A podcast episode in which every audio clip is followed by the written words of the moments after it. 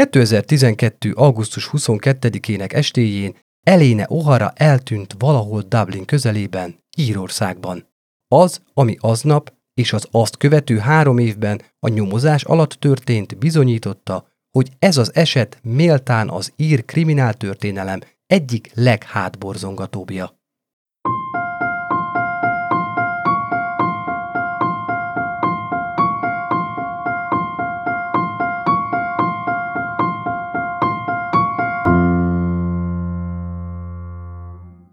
Sziasztok! Szatmári Péter vagyok, és ez itt a Bűntények Podcast.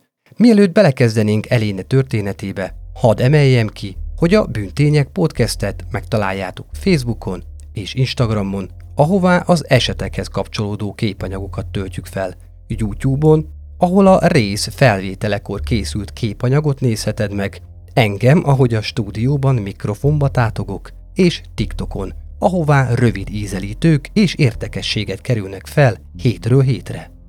Ha megteheted, akkor kérlek támogass Patreonon. Köszönöm. Augusztus 23-ának reggelén Sheila Hawkins azt tervezte, hogy mielőtt munkába indul, elviszi párjának lányát, Eléne Oharát a Tollship Fesztiválra. Eléne hetekkel előtte jelentkezett önkéntesnek a rendezvényre, és már izgatottan várta, hogy elkezdődjön. A lány viszont nem jelent meg az előre megbeszélt találkahelyen. Ezért Sheila felhívta annak édesapját, Franket. Frank megnyugtatta, hogy Eléne egész biztosan maga vezetett a fesztiválra, csak elfelejtett szólni. Kérte, ne aggódja túl a dolgot, minden rendben lesz. Ennek ellenére Sheila azért elment Eléne házához, és becsöngetett. Senki sem nyitott ajtót. Neki pedig menni kellett dolgozni, ezért távozott. Frank az ezt megelőző napot végig lányával töltötte, akit akkor engedtek ki a St. Edmondsbury kórházból. Eléne három hetet töltött ott depressziója miatt.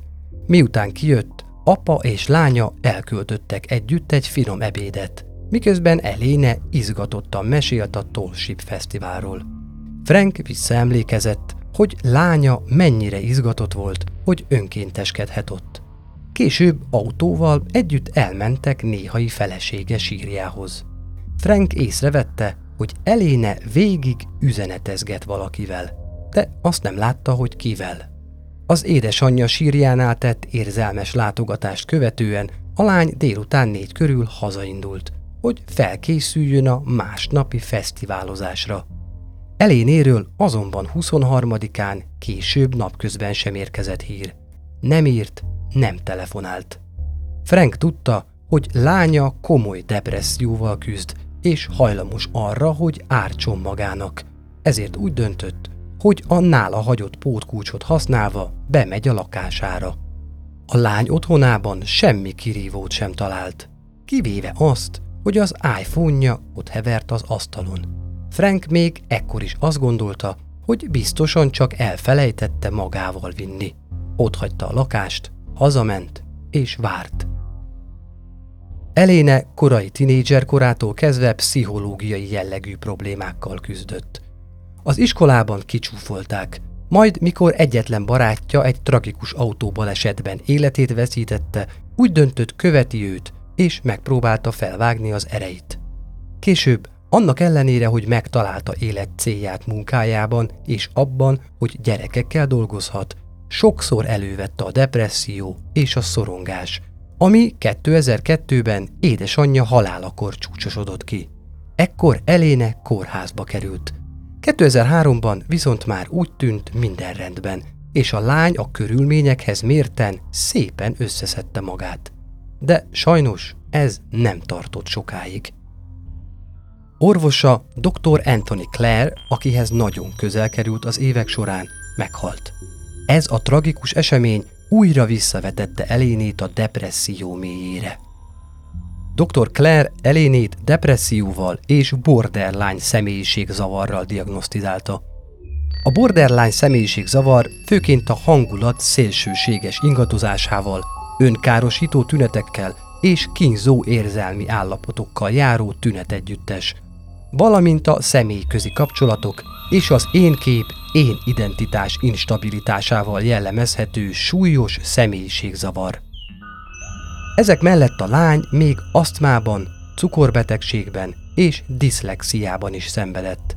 Dr. Claire véleménye szerint Eléne egy kisgyermek ártatlanságával volt megáldva, ami mellett érzelmileg alárendertként viselkedett.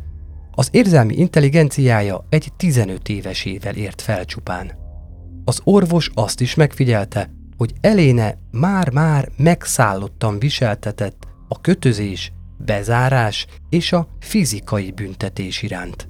Olyannyira, hogy ezek beépültek a lány szexuális fantáziájába is.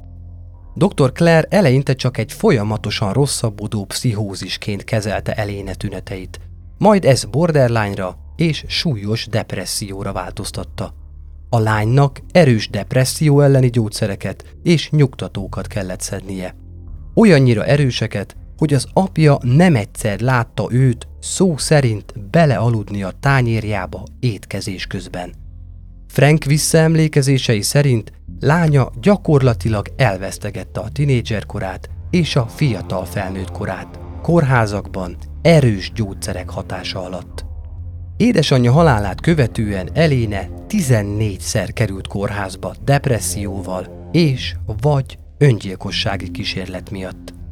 2012. júliusában csak 6 héttel eltűnését megelőzően újra bekerült a Szent Edmondsbury kórházba öngyilkossági kísérlet miatt. Az őt ápolók szerint, amíg bent tartózkodott, folyamatosan a Tall Ship Fesztiválról beszélt. Elmesélte nekik, hogy egész héten ott fog önkénteskedni, és hogy ő ennek mennyire örül, és mennyire izgatottan várja már. A kórházi ápolásának végére új orvosa dr. Murphy úgy találta, hogy drasztikusan csökkentheti eléne gyógyszeradagját. Ahogy az orvos fogalmazott, annak ellenére, hogy folyamatosan küzdött magával, 2012 összességében egy jó év volt a lány számára. Amikor kiengedték, további öngyilkos szándéknak nyoma sem volt. Édesapja Frank is egyetértett az orvossal. Eléne láthatóan jobban volt. Viszont így, hogy egyik napról a másikra eltűnt, aggódni kezdett, hogy mégis előfordulhat, hogy valami szörnyűséget tett magával. Később az este folyamán, miután még mindig semmi hír sem érkezett Eléna felől, Frank ráírt. Élsz még, lányom? Választ üzenetére nem kapott.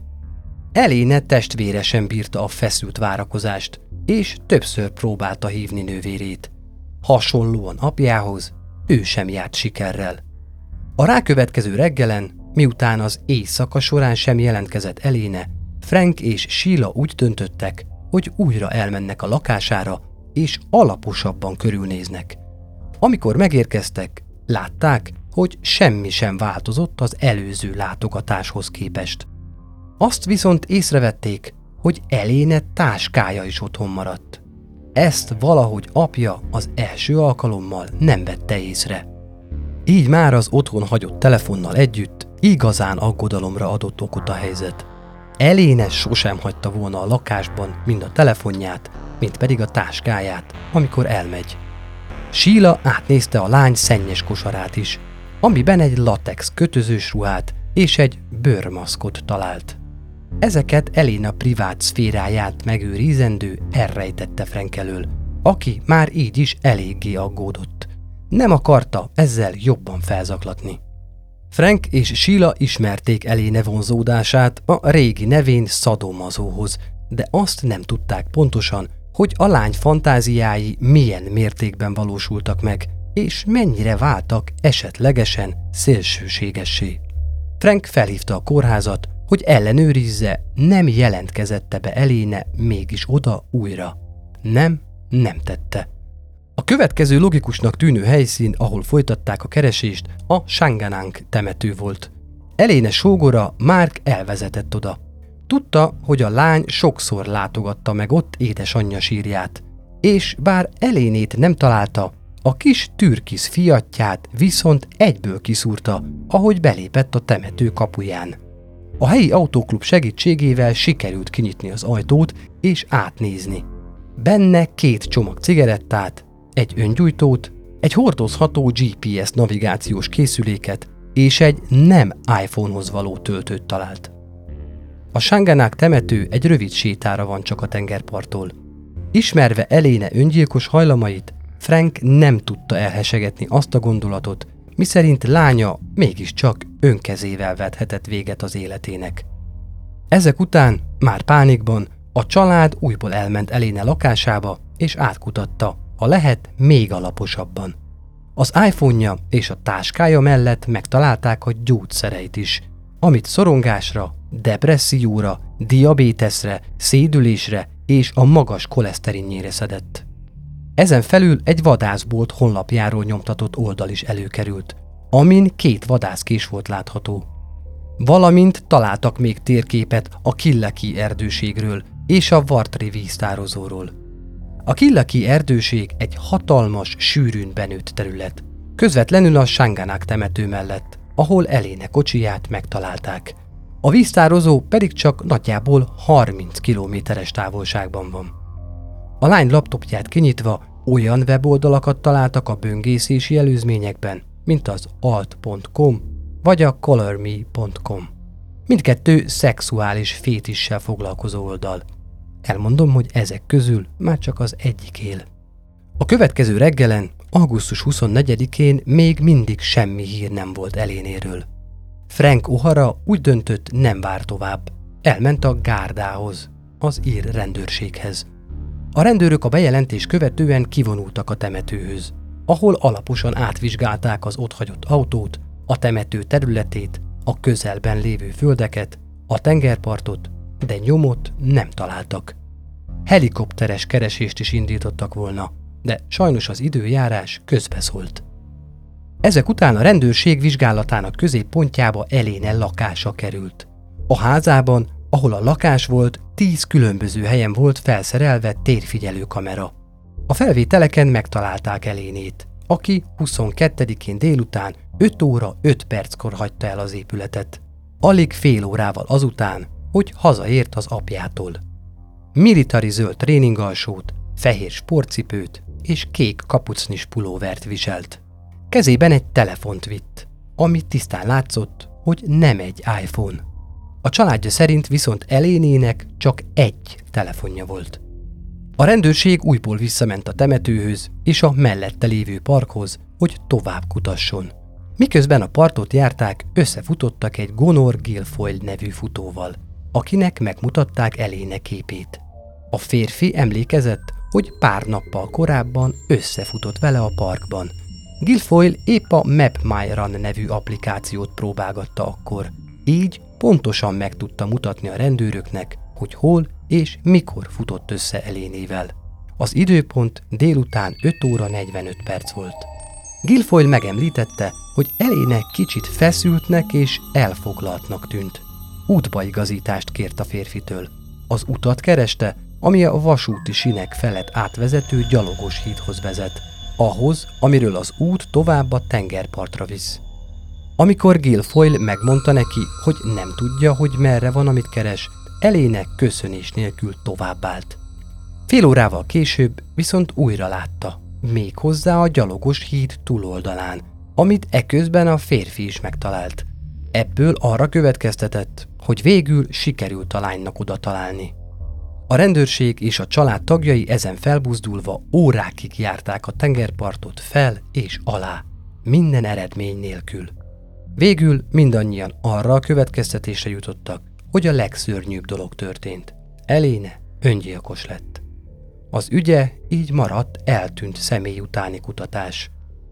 Egy évvel az esetet követően a család virággal emlékezett meg róla, amit a temetőben édesanyja sírján helyeztek el. 2013 nyara izzasztóan meleg volt Írországban. A hőség, ami végig söpört az országon, lecsökkentette a víz szintet a Vartri víztározóban 6 méterről alig 30 centiméterre. 2013. szeptember 10-én William Fegen testvérével és barátjával épp ott horgázott a Szelli hídról, amikor valami fényeset láttak meg a víz felszínén.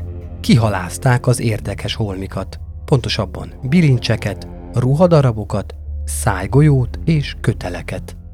Miután kicsodálkozták magukat a különös segédeszközökön, nem tulajdonítottak neki nagy jelentőséget, és egyszerűen csak otthagyták a hídon. Másnap viszont Fegent nem hagyta nyugodni az előző napi fogásuk. Visszament, összeszedte a holmikat, és elvitte azokat a Randwoodi gárdának. A gárda ügyeletes tisztje James O'Donoghue a BDSM eszközöket bizonyítékként kezelte, bár akkor még nem tudta, hogy egyáltalán kapcsolhatók-e bármilyen büntényhez. Kiszárította, bezacskózta és felcímkézte azokat. Fejében eközben kérdéseket fogalmazott meg. Miért dob valaki ilyeneket egy víztározóba? Ha csak egy párocska akart megszabadulni a felnőtt játékaitól, akkor miért nem dobták ki egyszerűen a szemetesbe? Lehet, hogy valaki el akar rejteni valamit? Másnap O'Donoghue elment arra a helyre, ahol Figen a szereket találta, és alaposan átkutatta a területet. Sajnos épp a víz nagyon zavaros volt a nagy szél miatt. Úgy döntött, visszatér egy alkalmasabb időpontban. A harmadik helyszíni látogatása és keresgélése során további bilincseket talált, valamint egy aszma inhalátort és egy kulcscsomót.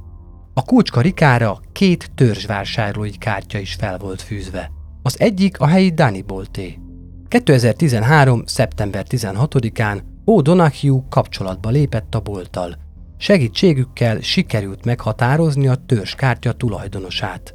A kártya Eléne Ohara tulajdonát képezte. O'Donoghue-nak nem volt ismerős Eléne. Eltűnéséről mit sem tudott, egészen addig, amíg le nem futtatta a nevét a rendőrségi adatbázison. Ezzel egy időben egy másik hihetetlen szerencsés egybeesés is történt 30 kilométerrel odébb. Magali Verzset, profi kutya tréner szokásos módon a Killaki erdőben sétáltatta kiskutyáját. 2013. augusztus 21-én kutyája Milli egy csonttal a szájában tért vissza hozzá egy sűrűn benőtt bozótos területről. Magali nem gondolt semmi rosszra. Azt hitte, csak valamiféle állati csontot talált a kutyája. Letette azt az út mentén egy kőre, és folytatta a sétáját. Az ezt követő hetekben Mili kutya minden egyes sétája alkalmával újabb csontokkal a szájában bukkant fel, ugyanott. 2013. szeptember 13-án viszont a kutya sokáig elmaradt a sűrű bozótban. Magali megunva a várakozást kutyája után ment. Meg is találta Milit egy nagy halom csont mellett. Még akkor is arra gondolt, hogy állati csontokat talált a kutyus. Egészen addig, amíg egy tréning nadrág szára is feltűnt a kutyus kaparásai mentén. Magali közelebb ment, és lábával megpiszkálta a nadrág szárat. Ekkor vette észre, hogy az egy sportcipőbe végződik. Azonnal hívta a terület tulajdonosát, aki értesítette a rendőrséget. A gárda átkutatta a területet, és egy emberi csontváz 65%-át találta, álkapocsal együtt. A maradványok mellett egy lapát is hevert. A csontok DNS vizsgálata és a fogászati kartonok keresztvizsgálata minden kétséget kizáróan kimutatta, hogy a Mili kutya által talált csontok eléne Ohara földi maradványai. Mindez 2013. szeptember 17-én csak egy nappal azután történt, hogy Donahue őrmesternek sikerült azonosítania a BDSM kellékek közt talált hűségkártya tulajdonosát, Eléne Oharát. A két szál összekapcsolódását követően a rendőrség még alaposabban kutatta át a víztározót. Találtak egy fekete hátizsákot, egy bőrmaszkot, több kést, szemüveget, egyéb BDSM kellékeket és két Nokia telefont. A telefonok nagyon hasonlóak voltak ahhoz, amit Eléne a ház tömbje biztonsági kamera felvételein a kezében tartott, amikor utoljára távozott onnan. A szemüveg széria száma pedig elvezette a nyomozókat egy közeli optikába, ahol sikerült azonosítani a tulajdonosát, aki szintén Eléne Ohara volt. A rendőrség ezek után alaposabb vizsgálatnak vetette alá a lány számítógépét. A vizsgálatból megtudták, hogy Eléne gyakran látogatta a már említett BDSM szájtokat. A számítástechnikai szakemberek ezen felül arra is fényt derítettek, hogy több az említett közösség tagjaival is online beszélgetést folytatott. Ezek közül is kiemelkedett egy. Egy bizonyos építész 72. A beszélgetéseikben sokszor előfordultak olyan szavak és kifejezések, mint megvágdosni magad, vagy megbüntetni valakit a mestere szikéje által. Építész 72 egy géméles fiókhoz kapcsolódott, aminek a felhasználói neve Fétis fiú volt. Eléne elmondta barátainak és családjának, hogy BDSM kapcsolatban áll egy építéssel, de nem mondott többet annál, hogy a férfi házas. Bármennyire is hihetetlen, a két Nokia telefon működőképes maradt, annak ellenére is, hogy több mint egy évet töltöttek a víz alatt. Mindkettőben csak egy-egy kontakt szerepelt. Az egyikben MSTR, a másikban SLG, amik a mesterre és szolgára utalnak magánhangzók nélkül. Amit ezen felül a telefonon találtak, az több volt, mint hátborzongató. Több ezer üzenet fejtette ki a telefonok használói között évek alatt felépült beteg és sötét kapcsolatot. Hatalmas vágyat érzek arra, hogy erőszakoljak, szúrjak és öljek. Segítened kell nekem ezt kontrollálni, vagy kielégíteni. Fontos, hogy érezd, ha akarom, jogom van elvenni a szolgám életét. Azt akarom, hogy elhidd, hogy vége. És amikor mégsem teszem meg, akkor hálás legyél az életedért. Tudd, hogy tartozol vele nekem, és szolgálj. Vagy hagyod, hogy megkéseljelek, vagy segítesz találni valakit, akivel megtehetem. Már annyian késeltek meg valakit, és megúzták. Miért pont én ne tenném meg? A szolga válaszaiban többször is kifejezte, hogy fél, és hogy nem akar gyilkolásról és vérről beszélgetni. Túl fiatal vagyok a halálhoz. Csak félek. Tudja, uram, én félek öntől, és maga ezzel visszaél. Tisztában vagyok vele, hogy az életem az ön kezében van. Kérem, most egy kicsit ne beszéljünk a gyilkolásról, csak addig, amíg újra összeszedem magam. A telefonon talált mesterhez rendelt számot kereszt ellenőrizték Eléne iPhone-ján. Találtak is egyezést, egy bizonyos Davidet. A nyomozók természetesen megpróbálták felhívni a számot, viszont az nem csöngött ki. Mint kiderült, egy eldobható telefonszám volt csak, amit valaki Dublinban vásárolt Garoon Clayslon álnév alatt. És bár találtak valakit nagyon hasonló névvel, Gordon Kishholm, miután beidézték a rendőrségre és kikérdezték, kiderült, hogy nem ő az emberük. Miközben a nyomozók a több ezer üzenetet vizsgálták, találtak valamit, ami meghozta a lehetséges áttörést. Minden rendben, uram. Értem, hogy ön újra apa lett. Azért köszönöm a tegnap estét. Nagy szükségem volt rá. Igen, csoda szép a kis... Örülök, hogy élvezted az esténket. Lesz még ilyen. Találkozunk valamikor a hétvégén. Ezek az üzenetek 2011. március 31-én érkeztek. A rendőrök így már tudták, hogy a mesternek aznap született egy kislánya. Sőt, még a gyermek nevére is fényderült. Ezen felül más nyomra is akadtak az üzenet folyamban. Ötödik lettem a repülésen. Ez az üzenet 2011. július 11-ei volt. A rendőrség arra gondolt, hogy a feladó vagy pilóta, vagy ez valamilyen utalás a műlegyes horgászatra, ami angolul fly fishing. Miután körbenéztek, hogy abban az időben volt a környéken valamilyen repüléssel kapcsolatos verseny, rátaláltak a megoldásra. A repülés az üzenetben a repülőgép modellezésre utalt. A mester egy modellrepülő versenyen lett ötödik. A Randwoodi Modellrepülő Klub ugyanis pont akkor tartotta egyik versenyét, amin ötödik helyezést egy bizonyos Graham Dwyer ért el.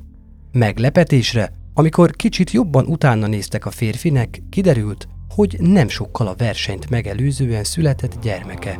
Micsoda véletlen egybeesés.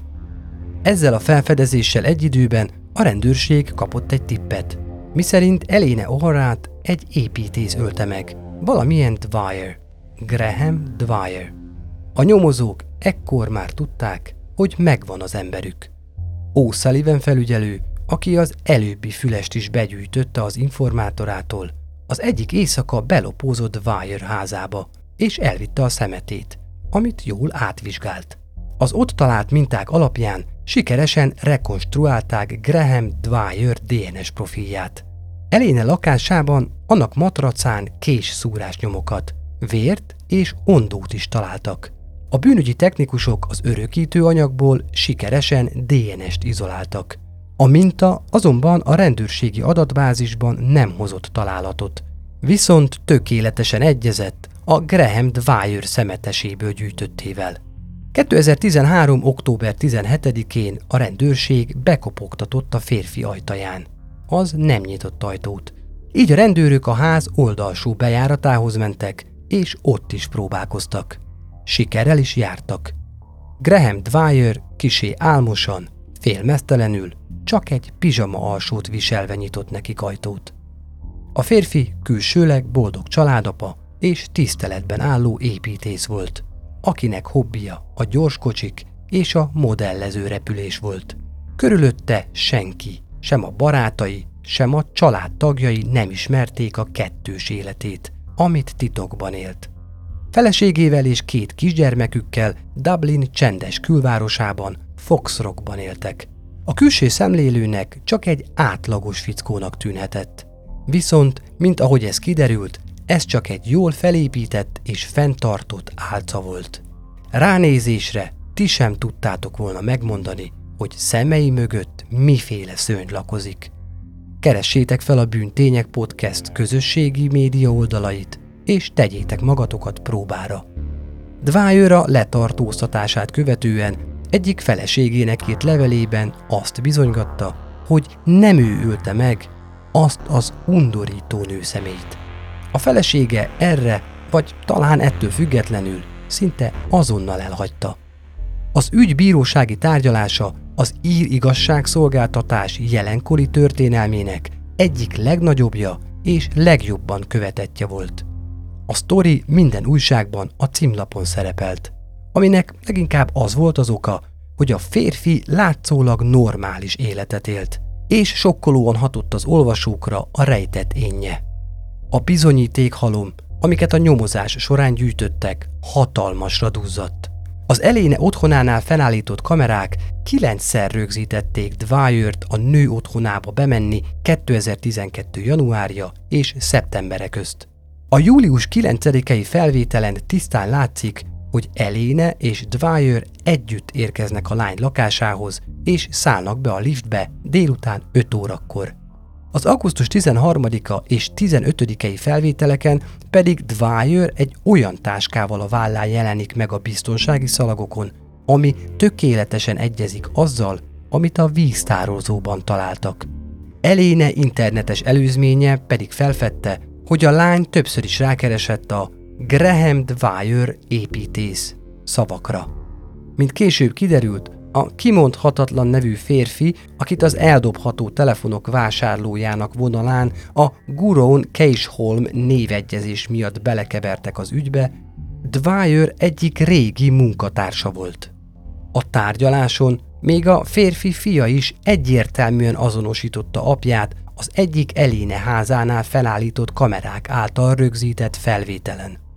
Dwyer saját mobilja Eléne eltűnésének éjszakáján délután 5-től este 9-ig ki volt kapcsolva.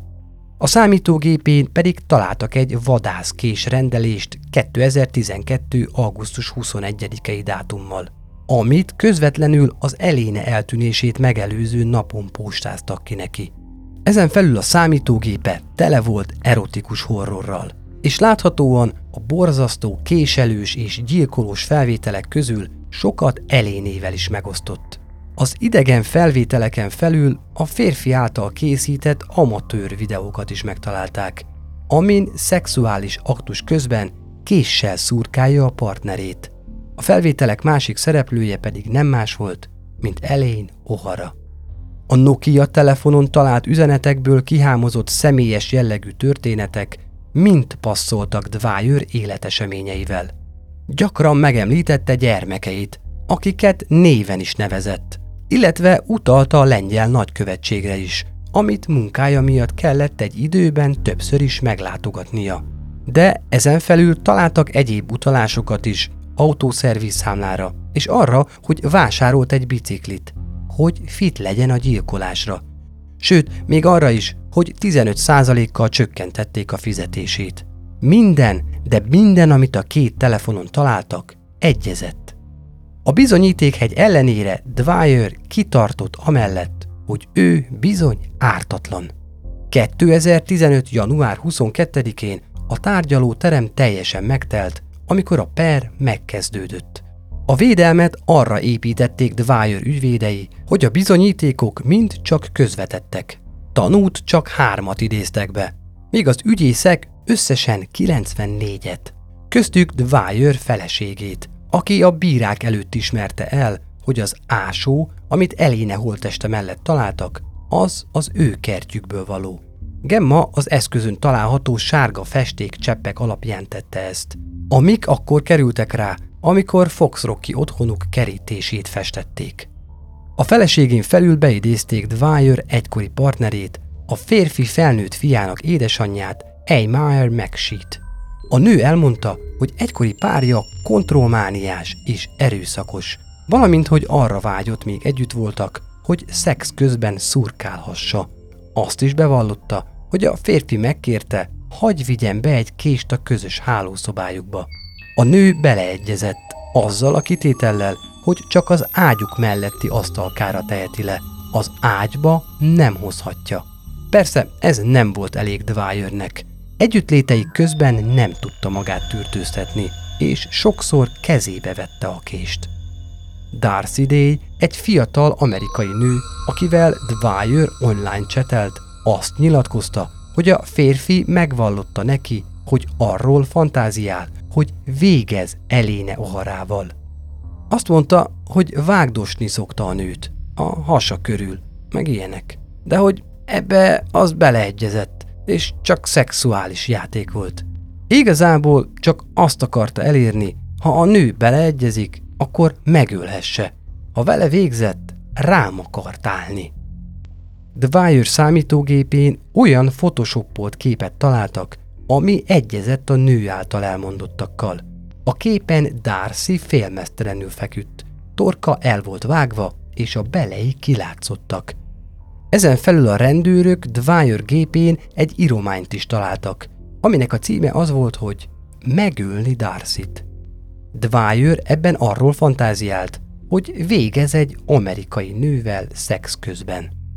Mindezek mellett a férfi védői kitartottak amellett, hogy a patológus nem tudta megállapítani Eléne halálának okát, így azt sem lehet tudni, hogy abban védencüknek volt-e bármilyen szerepe. Azzal érveltek, hogy Eléne aznap jött ki a kórházból, ahová öngyilkossági kísérletei és gondolatai miatt került.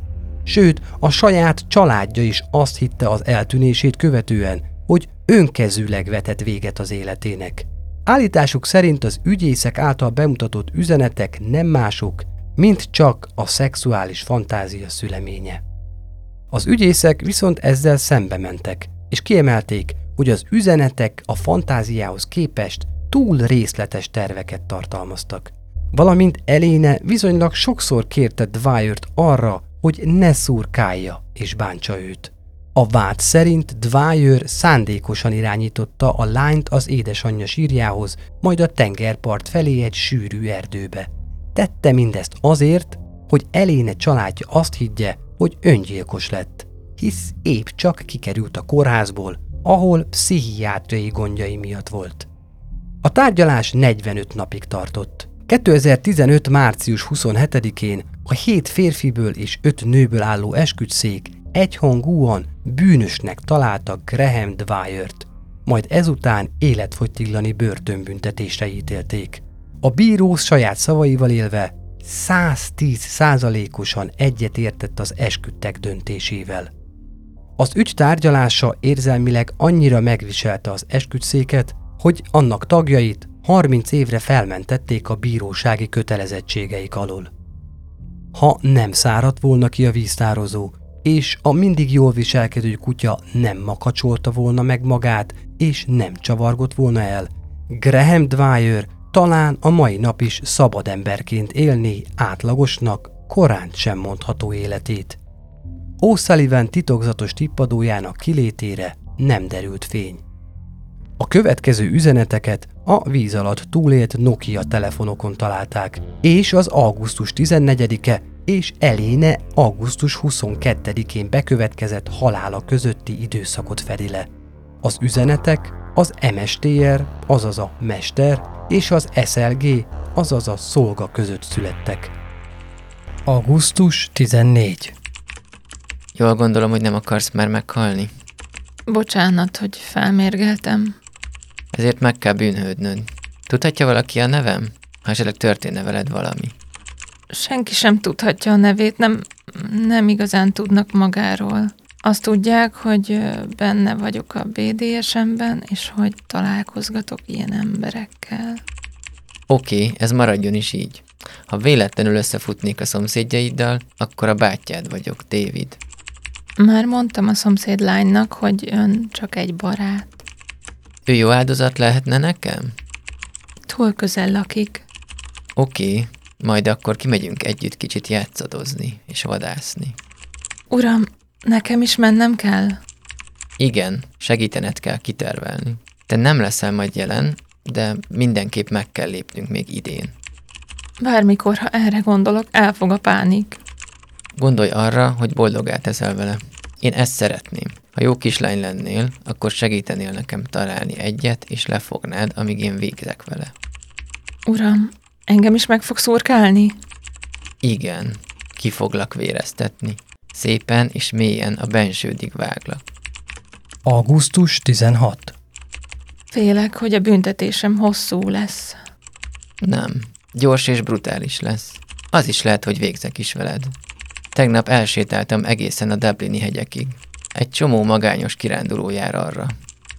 Augusztus 20 Reggelt szolga.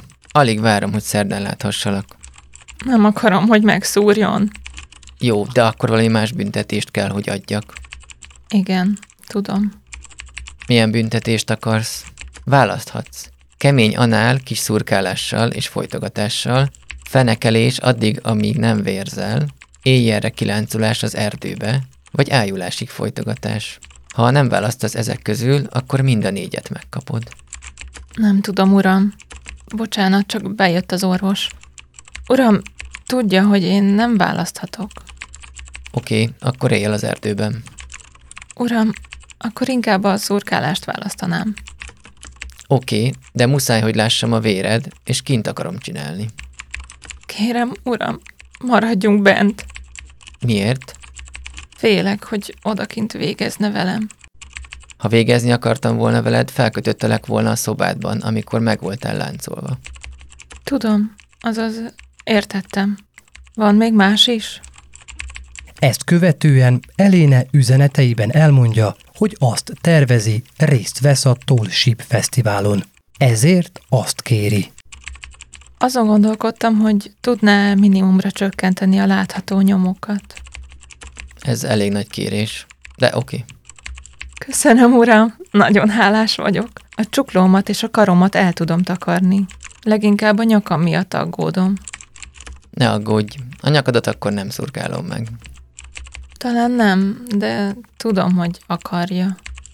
Augusztus 21 Uram, mérges rám? Nem, de meg kell, hogy büntesselek azért, mert nélkülem próbáltál meg öngyilkos lenni, és az utóbbi időben eltűntél. Igen, uram, tudom. A mesternek meg kell büntetnie a szolgáját. Ezért jól be fogom vérezni veled a késemet, jó sok vérrel. Utána elfelejthetjük a dolgot. Igen, uram. Na ez az én jó kis szolgám. A mestered nagyon kanos, és bele akarja dugni a farkát a szolgájába. Mester, kérdezhetek valamit? Igen, de nehogy feldühíts, mielőtt megvagdoslak. Ön a Goreán útját követi? Ez csak valami fentezi dolog? Mármint a Goreán. Bizonyos emberek e szerint élik az életüket. Te a szolgám vagy, és az lenne a dolgod, hogy engem szolgálj, és nem az, hogy a kórházban rostokolj. Bár csak jól megdughatnálak ebédidőben. Hogy tudnánk ezt megvalósítani, mester? Úgy, hogy kijössz a kórházból, és engem szolgálsz. Igen, mesterem. Holnap már kint is leszek. De csak ebéd után. A doktor még látni akar fél háromkor, de négyre kint leszek. A mester ezután a beszélgetést újra a gyilkosságra terelte. Boldog vagy attól, hogy örökké ezt csinálod? Uram, kérem, hagyja abba. Akarja, hogy örökre maradjak? Nem lehetne egy normális mester-szolga kapcsolatunk a dolog nélkül? Oké, okay, de meg kell, hogy ígérd. Ha legközelebb újra összeomlasz, akkor én végezhetek veled. Igen, uram. Megígérem. Remélem is. Nagy bajba kerülsz, ha ezek után nem szólsz majd. Mire gondol? Hogy kerülhetnék bajba? Ez öngyilkosság. Ez egy kibaszott öngyilkosság. Utána már nem kerülhetek bajba. Ez öngyilkosság. Senkit sem érdekel, mi történik utána. Én is akarom látni és ott lenni. Érted, hogy ne legyél egyedül. Szart. Lószart. Állandóan egyedül vagyok, és nem akarom, hogy ott legyen. Csak rá akar izgulni maga kibaszottul önző. Erre a mester nem válaszolt. Uram, ne haragudjon. Csak feldühítette, hogy arról beszéltünk. Hadd próbáljam meg újra. Jó ember, szolga, barát akarok lenni, és normális életet élni, anélkül, hogy arról kelljen beszélnem, vagy arra kelljen gondolnom. Kérem, engedje meg, hogy megpróbáljam újra. Oké, okay. Később, még aznap. ezt majd én eldöntöm. Hatalmas büntetést fogsz kapni. Egy jó nagy kést beléd. Tudom, uram, jobb lesz, ha összeszedem magam. Kérem, csak nekint csináljuk. Kérem. Meg foglak kötözni, és betömöm a szád. Majd kikötlek egy fához, mélyen az erdőben. Már találtam is rá egy megfelelő helyszínt. Nem fogunk ott lebukni? Nem fogunk lebukni. Nem hagyom el az otthonom. Ki kell, hogy rángasson innen. Kibaszottul azt teszed majd, amit mondok neked. Kint akarok játszani, és te pedig követed az utasításaimat. Ha nem, akkor duplán megbüntetlek, vagy fel is kötlek. Honnan tudja, hogy nem bukunk majd le? Találtam egy nagyon-nagyon elhagyatott helyet. Senki sem találott ránk. Mesztelennek kell majd lennem. Mélyen bent leszünk az erdőben, és igen. Nem akarom, hogy véres legyen a ruhád. Most már nagyon félek. Bíz bennem, izgalmas lesz. Biztosan, uram. Mikor kell holnap megjelennem, uram? 5.30. Kell vezetnem, uram? Egy kicsit igen. Most már tényleg nagyon félek. Ne félj. Eléne megerősítette Dwyernek, hogy sosem említette őt a pszichológusának. Jól van. Senki sem tudhat rólam. De még így is rámakadhatnak a levelezésedben. Mindegy, csak nyugalom. Elugrom a helyszínre, hogy leellenőrizzem újból. Augusztus 22. A gyilkosság napja. Az a hely csak kín nekem, de biztonságos is, mert tudom, mi fog ott történni, és nem akarok meghátrálni, csak nagyon félek. Tudja, uram? Tudja, hogy félek öntől? Szerintem ezt kihasználja. Ne félj a haláltól. Kérem, ne emlegesse a gyilkolászást egy ideig, csak amíg újra lábra állok, és összeszedem magam. A mai büntetés olyan igazi lesz. Úgy teszünk majd, mintha igazából megtörténne. Fontos, hogy érezd, ha akarom, jogom van elvenni a szolgám életét. Azt akarom, hogy elhidd, hogy vége. És amikor mégsem teszem meg, akkor hálás legyél az életedért. Tudd, hogy tartozol vele nekem, és szolgálj. Tudom, hogy az életem a kezében van. Mindig ezt érzem, amikor találkozunk. A nő dél körül küld egy üzenetet, hogy hamarabb elszabadult, mint ahogy gondolta. Úton van haza, és kérdezi, hogy van-e számára valami utasítás. Fürödj meg, és borotvárd le a pinád. Ne vegyél fel sem eltartót, se bugyit. Kényelmes ruhát viselj, és túrabakancsot. Egyél, és vegyél be fájdalomcsillapítót. Tehetem azt, amit akarok, miután már nem lesz szüksége rám? Mit is? Nem tudom, csak bármit, amit akarok. Fájdalmaid lesznek utána, és az azt követő napokban. Ennyire rossz lesz. Dolgom lesz a napokban. Tollship Fesztivál. Kérem, ne okozzon ekkora fájdalmat. Kérem. Szúrt sebeid lesznek. Ismered a dörgést. Az utolsó néhány alig vérzett. Ezek fognak. Uram, mennyi lesz? Amennyit akarok. Igen, uram. Azt akarom, hogy a Sanganak temetőnél parkolj le fél hatkor. Hagyd az iPhone-od otthon. Csak a szolgatelefonod és a kulcsait hoz magaddal. Ott majd megkapod a további utasításokat. Akkor is megcsináljuk, ha esik az eső? Nem jönne inkább fel hozzám? Tiszta szeretnék maradni. Ott koszos leszek. Igen, akkor is, ha esik. Nem megyek fel hozzád. Nem bántásból, uram, de nem kellene esőben csinálnunk. Hideg lesz. Ne aggódj. Sosem olyan rossz, mint ahogy azt előre képzeled. Igen, uram. Ne legyél ideges, csak élvezd, hogy megmondják, mit tegyél. Könnyebb mondani, mint csinálni, uram. Ürítsd ki az elméd, és válj semmivé. Csak tulajdon vagy, egy darab szolga hús. Az egyetlen dolgot, hogy szolgálj. Vehetek fel zoknit és porcipőt? Hozhatom az inhalálomat? Nem volt időm enni. Későn érünk vissza? Zokni igen. Az inhalátort hagyd a kocsiban. Visszaérsz nyolcra. Üres hassal fájdalmasabb a késelés. Készülj fel, nem sokára találkozunk. Itt vagyok, uram. Oké, okay.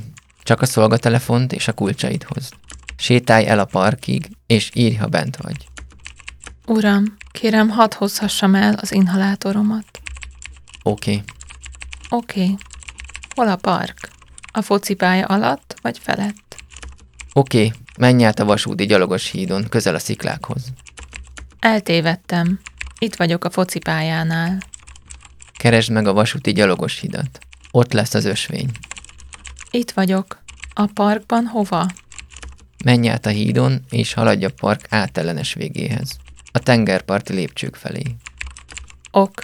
Az ösvényen menjek? Igen vagy nem? Igen. A lépcsőknél vagyok. Írt a férfinak, hogy ott van a lépcsőknél. Eléne ezután kapta az utolsó üzenetet. Pontosan este 6 órakor 2012. augusztus 22-én. Sétálj le a partra, és várj. Összesen 2612 üzenetet váltottak egymás között közel két év alatt. Az utolsó üzenetével Graham Dwyer végül elérte a régóta vágyott szexuális fantáziájának célját, azaz halára szurkált egy nőt. Nagy valószínűséggel szex közben. Eléne családja a következő üzenetet olvasta fel a tárgyalóteremben az ítélet hirdetést követően. Tudjuk, nem csak mi estünk áldozatául ennek a bünténynek. Ráébredtünk, hogy más családok is hasonlóképpen szenvednek, mint mi. Ezért mindenkivel együtt érzünk, akiket érintett ez az ügy. Szavakkal nem igazán lehet leírni, amit érzünk. Nem kívánjuk egyetlen másik családnak sem azt, amin mi mentünk át az elmúlt két és fél év alatt. Egy lányt, nővért és barátot veszítettünk el. Méghozzá a legbrutálisabb, traumatizálóbb és elborzasztóbb módon. Tele vagyunk megválaszolatlan kérdésekkel, amiket életünk végéig fogunk majd cipelni. Eléne egy kivételesen intelligens lány volt, aki sajnos a pszichológiai nehézségei miatt sosem fedezte ezt föl önmagában. Elképesztően sok gyógyszert szedett, ami meggátolta abban, hogy normális tinédzser legyen és így szocializálódjon. Érzelmileg emiatt éretlen volt, és bizalommal fordult bárki felé, aki egy kis kedvességet mutatott az irányába. Utolsó éveiben a gyógyszereit kezdte elhagyni, és a kórházakat is egyre ritkábban járta. Mindez segített neki abban, hogy napról napra jobban funkcionáljon közöttünk, annak ellenére, hogy számára kimaradtak az egyébként olyannyira fontos tinédzserévek. Munkáját mindig tisztességgel végezte, és imádott gyerekekkel dolgozni. Kiváltképpen azért, mert velük könnyebben szót értett, mint a felnőttekkel.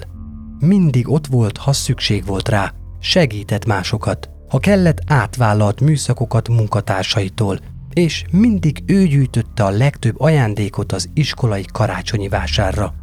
Eléne imádta unokahúgát, akinek keresztanyja is volt. Sokat olvastak, festegettek és játszottak együtt. Unokahúga még négy hónappal az eltűnése után is utána fordult egy elénéhez hasonló autónak azzal, hogy nézzétek, az ott eléne kocsia. Mosolygott és elismerően bólintott. Hogyan magyarázhattuk volna el akkor egy kisgyermeknek azt, amit még mi sem értettünk? Amióta elment közülünk eléne, két újabb unokahúga született, de őket már nem ismerheti meg. Eléne tanár szeretett volna lenni, ezért Montessori pedagógiát tanult. 2014-ben mi vettük át a nevében a diplomáját a Szent Nikolás Montessori iskolában. Milyen büszkén és boldogan állt volna ott talárjában, hogy megkapja azt, amire oly sokáig vágyott, és meg annyi nehézség ellenére megszerzett. De sajnos ez nem történhetett meg. 2012-ben, amikor Eléne eltűnt, összetörtünk. Számunkra ugyanis úgy tűnt, hogy végre jobbra fordulni látszott az élete. Új lakásba költözött, tanult, és két helyen is dolgozott. 2012. júliusában kicsit talán meghátrált, de önmaga vonult be a kórházba, hogy túl legyen rajta.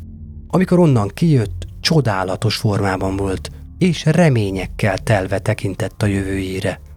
A feltételezett öngyilkossága éppen ezek miatt nagyon meglepte a családot, de mivel nem volt semmiféle bizonyíték arra, hogy nem ez történt, kénytelenek voltunk elfogadni, hogy valószínűleg önmaga vetett véget az életének. Hosszú órákon át sétáltunk Black Rocktól egészen Brayig, a nyomai után kutatva. Egy évvel eltűnését követően virágot dobtunk a tengerbe Sanganánál, hogy ezzel is adózzunk az emlékének, és lezárást adjunk a családunk számára. Miután 2013. szeptemberében megtalálták Eléne holtestét, úgy tűnt elhamarkodtuk. A gárda nyomozása eltűnt személyről gyilkosságra változott, ami csak további kint hozott családunknak, azzal, ahogyan elképzeltük azt az elképzelhetetlen horrort, amit elénének kellett átélnie, amikor meggyilkolták. A tárgyalás pedig egyenesen elviselhetetlenül nehéz volt számunkra. Lesújtó volt látni, ahogyan kiterítik eléne összes magánéleti szennyesét az egész ország elé, annak ellenére, hogy ő volt az áldozat. Voltak olyan cikkek, amikben támadták elénét, ami nagyon felzaklatta a családot. Idővel szerettünk életét egyszerű szalagcikké degradálták. Szívszorító volt végig hallgatni azokat az üzeneteket, amiket Eléne attól a romlott és beteg elmétől kapott. Hogy kihasználta sebezhetőségét, az egyértelműen látszott.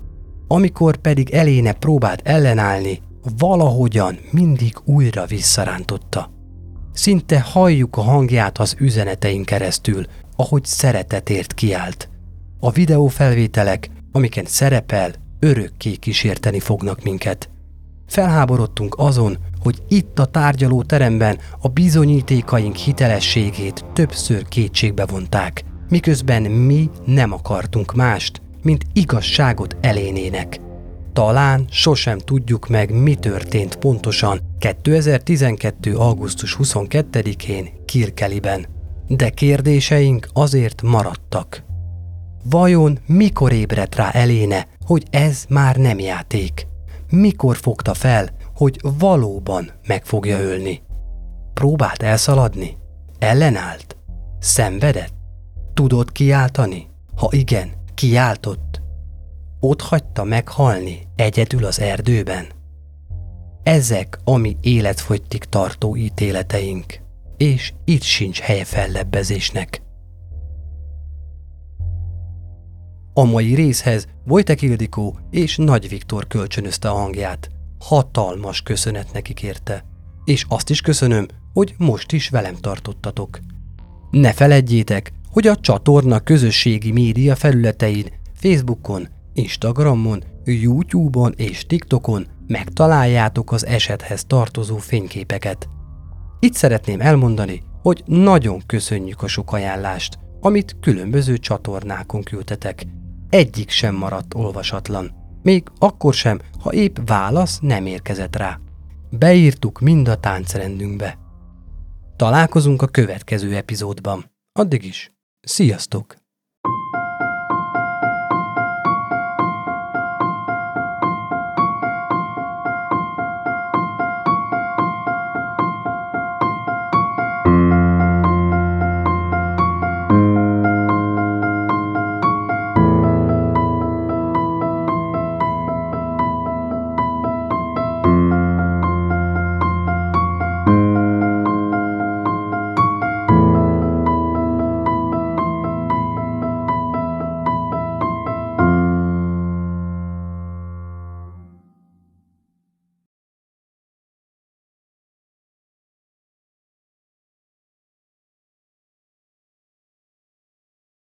Kényelmesen kell ülni, tudtátok?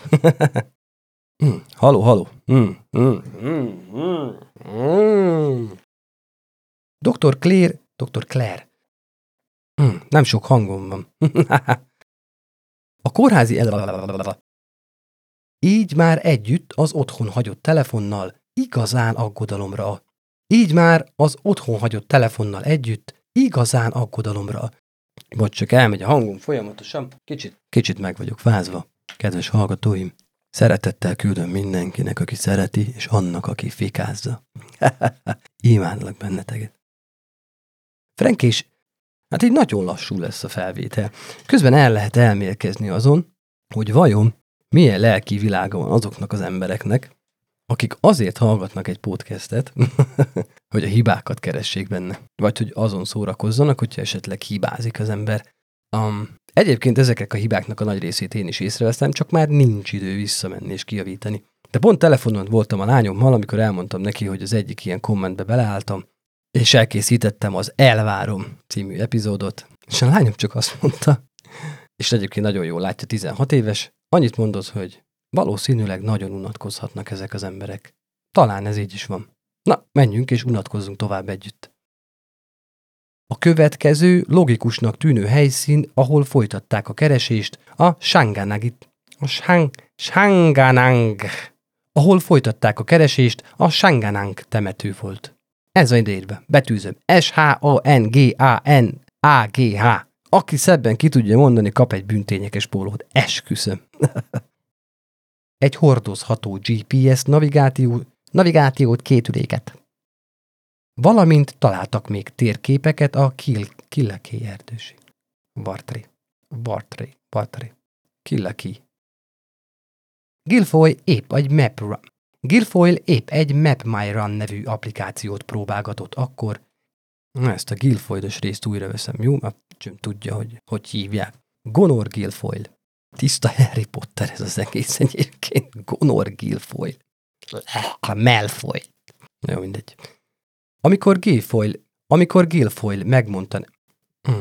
amikor Gilfoyle megmondta neki, amikor Gilfoyle megmondta, Gilfoyle. A hőség, ami végig söpört az országon, hova lett röbető? Eltűnt a röbető.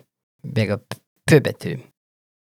A gárda ügyeletes tisztje James O'Dohan Dohahue, James O'Dohue, Dohahue, James O'Dohahue, tessék, tessék, még egy szó. Ha kimondott jobban, mint én, elmondom. James O'Dohahue.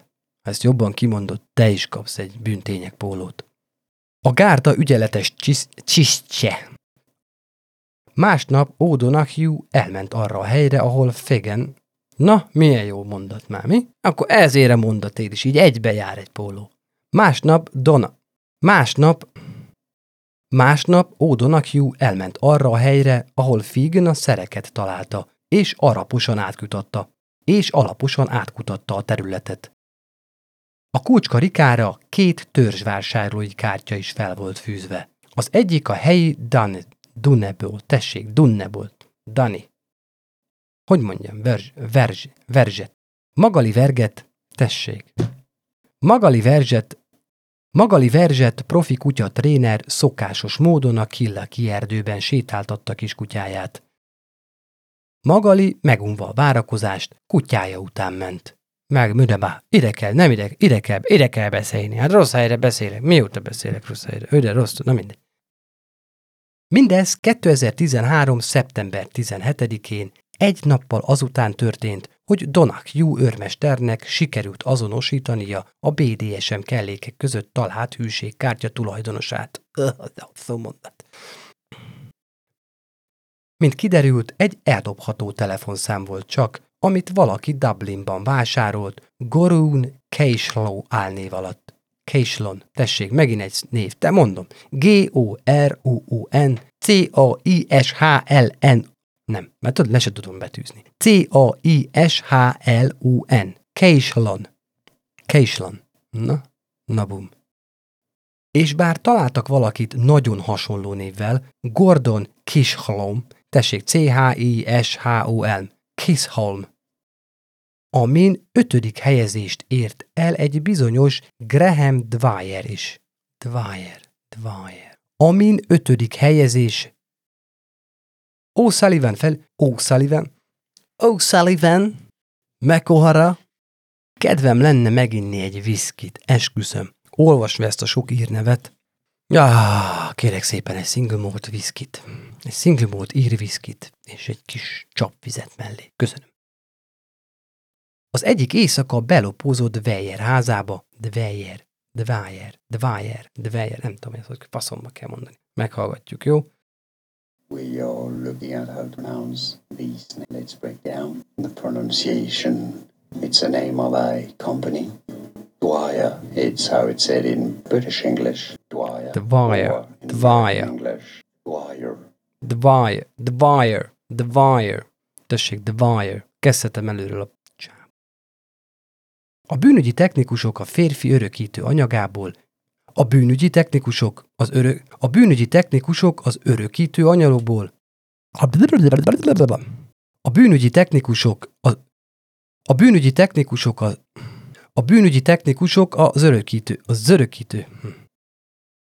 Viszont tökéletesen egyezett a Graham Dwyer, Dwyer, Dwyer, a Graham Dwyer szemeteséből gyűjtöttével. Dwyer. A sztori minden újságban a címlapon szerint. Címlapon. Eléne internetes előzményeibe, Eléne internetes, az Eléne otthonánál felállított kamerák kilencszer rögzítették Dwayne-t. Dwayne. Jó mondom, Dwayne-t. Dwayne. Mint később kiderült, Gordon, mint később kiderült, Gordon, mint később kiderült, Gordon Kisholm, Kisholm, mint később kiderült, Gordon Kisholm, akit az eldobható telefonok vásárlású, mint később kiderült, Gordon Kisholm, mint később kiderült, a kimondhatatlan nevű férfi, akit az eldobható telefonok vásárlójának vonalán a Gorón Keishholm névjegyezés miatt. A feleségén felül beidézték Dwyer egykori partnerét, a férfi felnőtt fiának édesanyját. Tessék, Eimaer Megsi, E-I M E-I ma R M C Shea. Megsi. Ó, Istenem. Ezeket most szerintem be fogom rakni a epizódnak a végére, csak hogy tudjátok, mert ugye állandóan az van, hogy milyen a kiejtésem, köszönöm szépen, ilyen. Kicsit nehezek ezek a szavak. Eimaer, Eimaer megsít. Jó, legyen így. A tárgyalás 45 napig tartott. 2025 10 Nem, de meg kell, hogy büntesselek azért, mert nélkülem próbáltál meg öngyilkos lenni, és az utóbbi időben eltűntél. Nélkülem volt. Hé? Mi? Mit mondtam? Nélkülem. Nélkülem. Nélkülem? Ezt te mindent. Vidéki, nem? Na jó. Ezt majd én eldöntöm. Hatalmas büntetés fogsz kapni. Egy jó nagy kést beléd. Fox. Úgy, hogy fogsz. Valami fosz volt. Foszfasz. Nehéz így olvasni, és egyszerre. Ebből csináljunk már egy hardcore verziót. Még ennél is. Aha. Vagy mire gondolsz? Ja, hogy hangsúlyra? A- ahogy beszélsz, Ja, kicsit jó. most érd bele magad jobban Jó. a Balázsba. Ahogy szoktam. Egy átlag szombat dél. Ja, igen. Ez jó volt. Na, jó. Most vissza kell menni a izébe. könnyű, mert Hát igen. Csak mi és a késeink. Na jó. Rög bele. Jó, mehet. Oké. Okay. Mm, mm, belerög a izé főnök. mehet. Ha más podcastekre is kíváncsi vagy, hallgassd meg a Béton műsor ajánlóját. El tudod képzelni, hogy a podcastet, amit éppen most hallgattál, fél év múlva már a mesterséges intelligencia generálja? Mi sem. De ha érdekel, eljötte már a gépek lázadása. Hallgass bele az Embertelen podcastbe. Orsós Lajos vagyok, a műsor házigazdája. Egyelőre még élőben. Egyelőre. Fedezzük fel együtt, hogyan ismerkedik, randizik, mesél és vitatkozik Betty és Péter, két teljesen mesterséges intelligencia. Lajos, a podcast címét mond még egyszer, Léci. Oké. Okay. Embertelen podcast. Ez a műsor a Béton közösség tagja.